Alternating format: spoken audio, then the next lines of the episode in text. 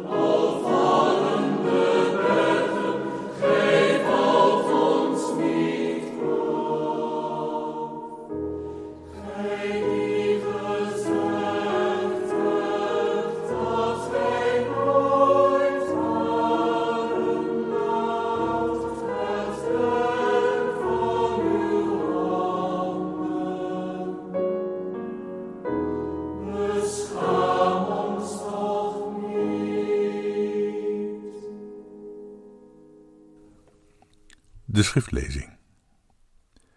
En zie, een wetgeleerde stond op om hem te verzoeken en zei: Meester, wat moet ik doen om het eeuwige leven te beërven? En hij zei tot hem: Wat staat in de wet geschreven? Hoe leest gij? Hij antwoordde en zei: Gij zult de Heere uw God liefhebben uit geheel uw hart, en met geheel uw ziel, en met geheel uw kracht, en met geheel uw verstand, en uw naaste als uzelf. En hij zei tot hem: Gij hebt juist geantwoord. Doe dat en ge zult leven. Maar hij wilde zich rechtvaardigen en zei tot Jezus: En wie is mijn naaste? Daarop hernam Jezus en zei: Een zeker mens daalde af van Jeruzalem naar Jericho en viel in de handen van rovers die hem niet alleen uitschudden, maar ook slagen gaven en weggingen, terwijl ze hem half dood lieten liggen. Bij geval daalde een priester af langs die weg, en deze zag hem, doch ging aan de overzijde voorbij. Evenzo ging ook een leviet langs die plaats, en hij zag hem en ging aan de overzijde voorbij. Doch een Samaritaan die op reis was, kwam in zijn nabijheid, en toen hij hem zag, werd hij met ontferming bewogen. Hij ging naar hem toe, verbond zijn wonden, goot er olie en wijn op, en hij zette hem op zijn eigen rijdier, bracht hem naar een herberg en verzorgde hem. En de volgende dag stelde hij de waard twee schellingen ter hand en zei: Verzorg hem, en mocht gij meer kosten hebben, dan zal ik ze u vergoeden op mijn terugreis. Wie van deze drie dunkt u dat de naaste is geweest van de man die in handen der rovers was gevallen? En hij zei: Die hem barmhartigheid bewezen heeft. En Jezus zei tot hem: Ga heen, doe gij evenzo.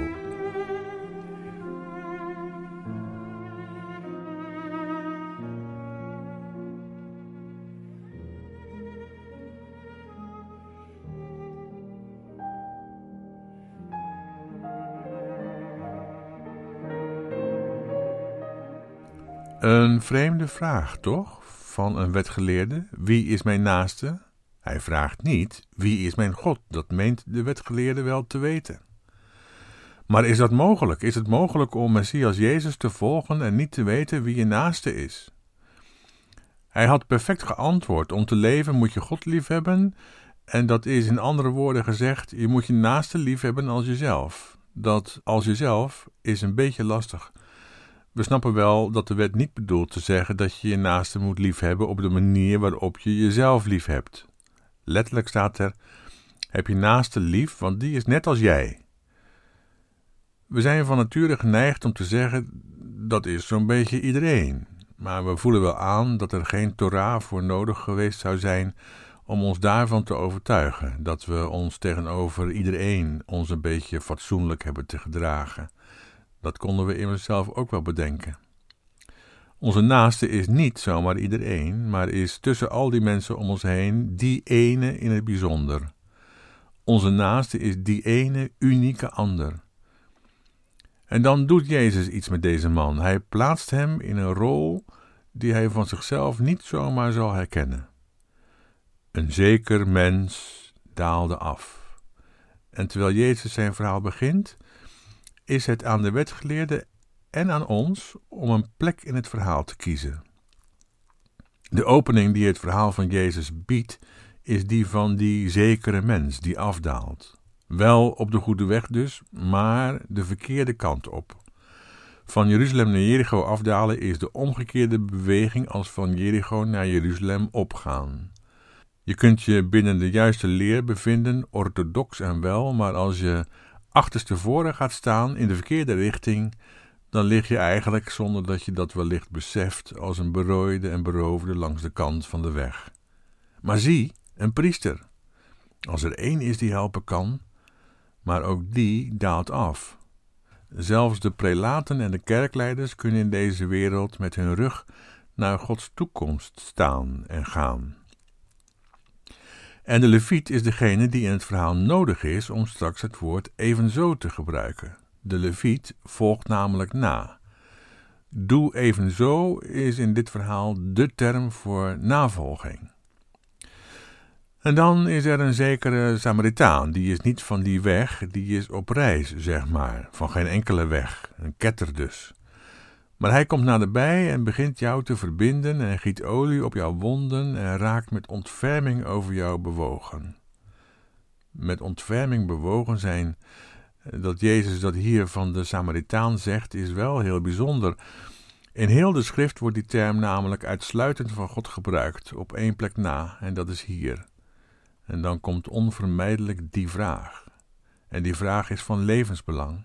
En wie met die vraag begint te sjoemelen, heeft daar belang bij om nog altijd de weg de verkeerde kant op te lopen. De vraag die Jezus stelt is namelijk wie van de drie, de priester Of degene die evenzo deed, de leviet. Of misschien degene die niet van die weg was, de Samaritaan. Wie van de drie is de naaste geworden van de man die langs de kant van de weg lag? Het juiste antwoord op die vraag komt uit de mond van de wetgeleerde. Hij kent zijn definities namelijk heel goed. Jouw naaste is degene die jouw barmhartigheid bewijst. De man heeft in de Samaritaan zijn naaste leren kennen. Doe als die man, zegt Jezus. Doe evenzo. Herken degene die jouw barmhartigheid bewijst als jouw naaste. Het is werkelijk van levensbelang dat we ons burgermansfatsoen, dat zich veelal uit in armenzorg en aanverwante activiteiten waar niets mis mee is, in tegendeel, maar die weinig zeggen over Messias Jezus, dus dat even laten voor wat het is en ons blijvend richten op het antwoord op de vraag die Jezus stelt. Hoe kun je eeuwig leven door God lief te hebben? Anders gezegd, je naaste lief te hebben die net is als jij. God komt ons leven niet anders binnen dan via de naaste, de ander. Kan zo de arme ons barmhartigheid bewijzen, de verworpene, de onbeminde, die zich afkeerde, de rampzalige? Jazeker. Kan de arme onze weldoener zijn? Is dat niet de omgekeerde wereld dan? Ja, dat is het. Maar op de weg van Jeruzalem naar Jericho is alles uit de wet van Mozes de omgekeerde wereld. De arme, als degene die jouw barmhartigheid bewijst, wijst jou erop dat het leven in zijn eenvoud moet worden geleefd. Dat het leven niet altijd feest is en Jan grijpt de leuning, maar dat beneden in de eenvoud en helaas vaak ook in het tekort meer liefde onderling ontstaat, meer agape ontluikt en groeit dan in de overvloed en daar aan de top. Jezus zegt niet voor niets: Mij hebt gij niet altijd, maar de armen zijn altijd bij je. In hen, mijn minste broeders en zusters, ben ik bij je. Te midden van mijn getrouwen komen ook jullie tot je recht. Niet de rijken en de machtigen, maar de armen en de door Jezus beminden hebben het laatste woord het levende woord van deze bijzondere God.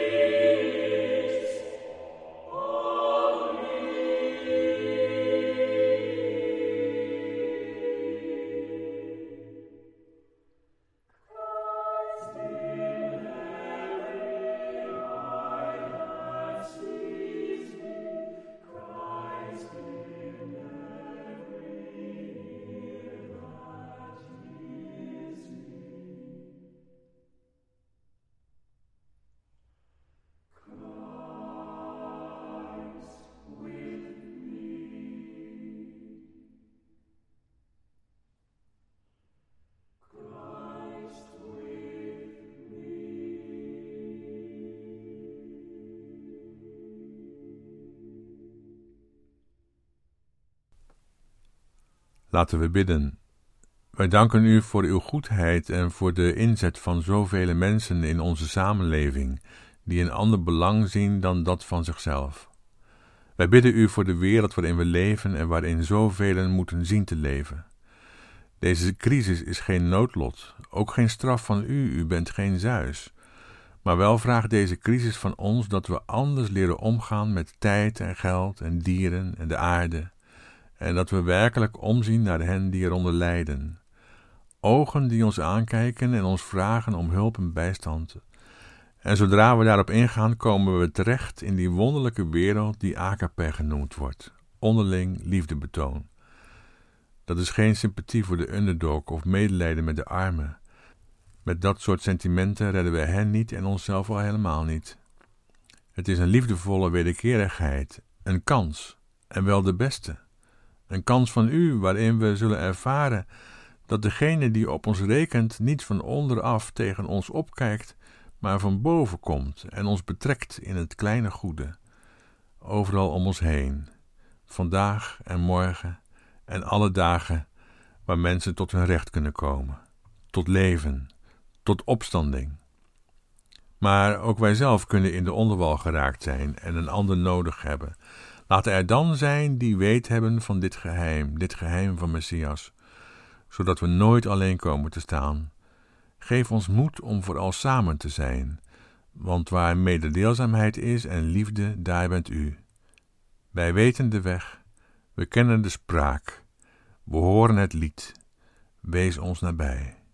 En open ruimtes voor mensen, kerken, kapellen, desnoods stadstuintjes of pleintjes of achterkamertjes, plekken waar het wonder kan gebeuren, uw levende stem te horen klinken. In Jezus' naam. Amen.